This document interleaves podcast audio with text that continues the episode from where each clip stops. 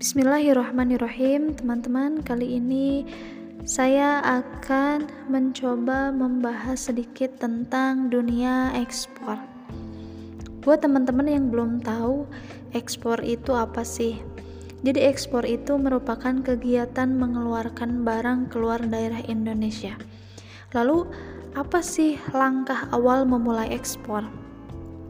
Jadi langkah awal ketika kita ingin memulai ekspor, yang pertama kali adalah kita menentukan produk. Dalam menentukan produk ini, kuncinya adalah fokus. Ya, fokus. Kenapa? Jangan sampai kita ini uh, tidak bisa menentukan produk. Jadi kita ingin mengekspor barang apa pun yang ada gitu sampai kita itu tidak bisa menguasai produk knowledge-nya. Jangan sampai seperti itu. Karena biasanya ketika kita e, bernegosiasi, biasanya pembeli itu melihat dari seberapa menguasainya kita dalam produk knowledge. Ya, karena itu adalah suatu kepercayaan gitu. Jadi, kalau bisa dalam menentukan produk itu kita maksimal tiga produk lah.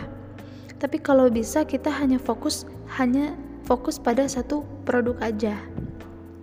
Nah, untuk yang kedua, kita tentukan negara tujuan ekspor. Jangan sampai kita bingung mau mengekspor ke mana gitu. Bahkan jangan sampai kita uh, apa di awal menentukan saya ingin ekspor ke seluruh dunia. Gak bisa gitu. Karena apa? Karena kita itu harus bisa menguasai juga budaya di sana itu seperti apa, cara memasarkannya juga seperti apa. Nah, alangkah lebih baiknya untuk pemula itu kita harus bisa menentukan negara tujuan ekspor.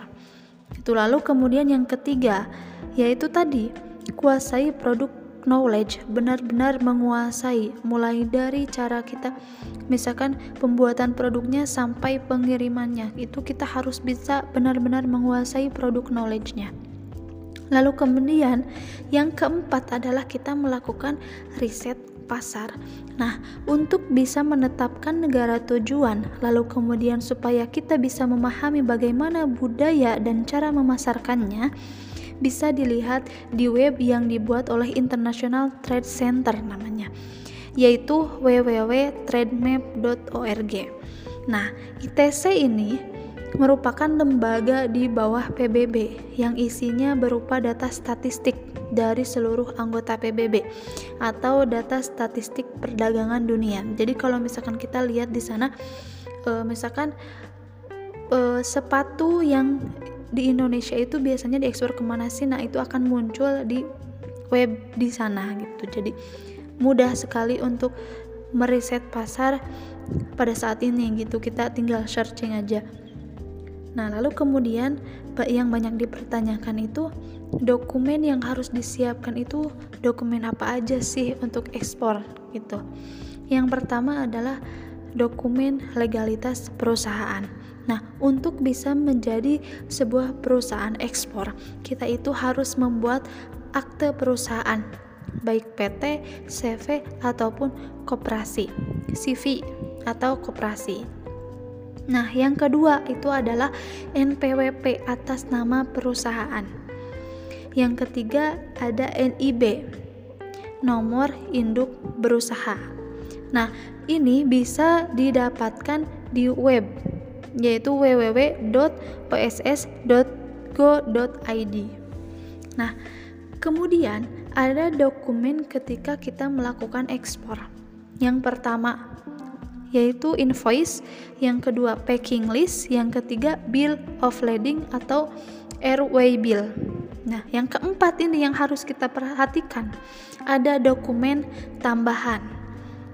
Dokumen yang tergantung dari produknya dokumen tambahan ini adalah dokumen yang tergantung dari produknya gitu atau juga tergantung dari permintaan pembeli contohnya eh, produk hasil pertanian ekspor ke mana pun harus ada dokumen yang namanya Phytosanitary Certificate. Nah, itu didapatkan dari Badan Karantina Pertanian.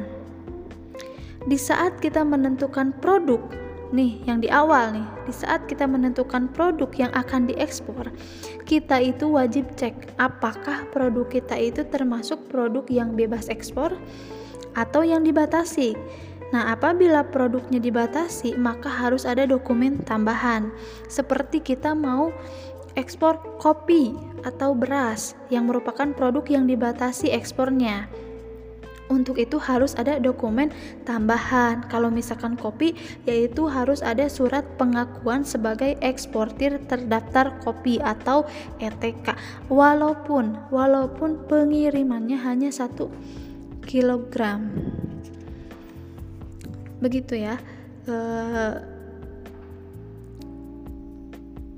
mau bahas apa lagi mungkin untuk uh, kali ini saya membahasnya segitu dulu untuk ke depannya insya Allah saya akan bahas lebih dalam mengenai ekspor ini bagaimana caranya kita ngirim lalu bagaimana cara pembayarannya lalu bagaimana sih triknya supaya kita itu tetap bisa ekspor walaupun kita uh, tanpa modal gitu. Insya Allah nanti uh, akan saya bahas ke depannya ya Insya Allah. Terima kasih untuk teman-teman yang mendengarkan.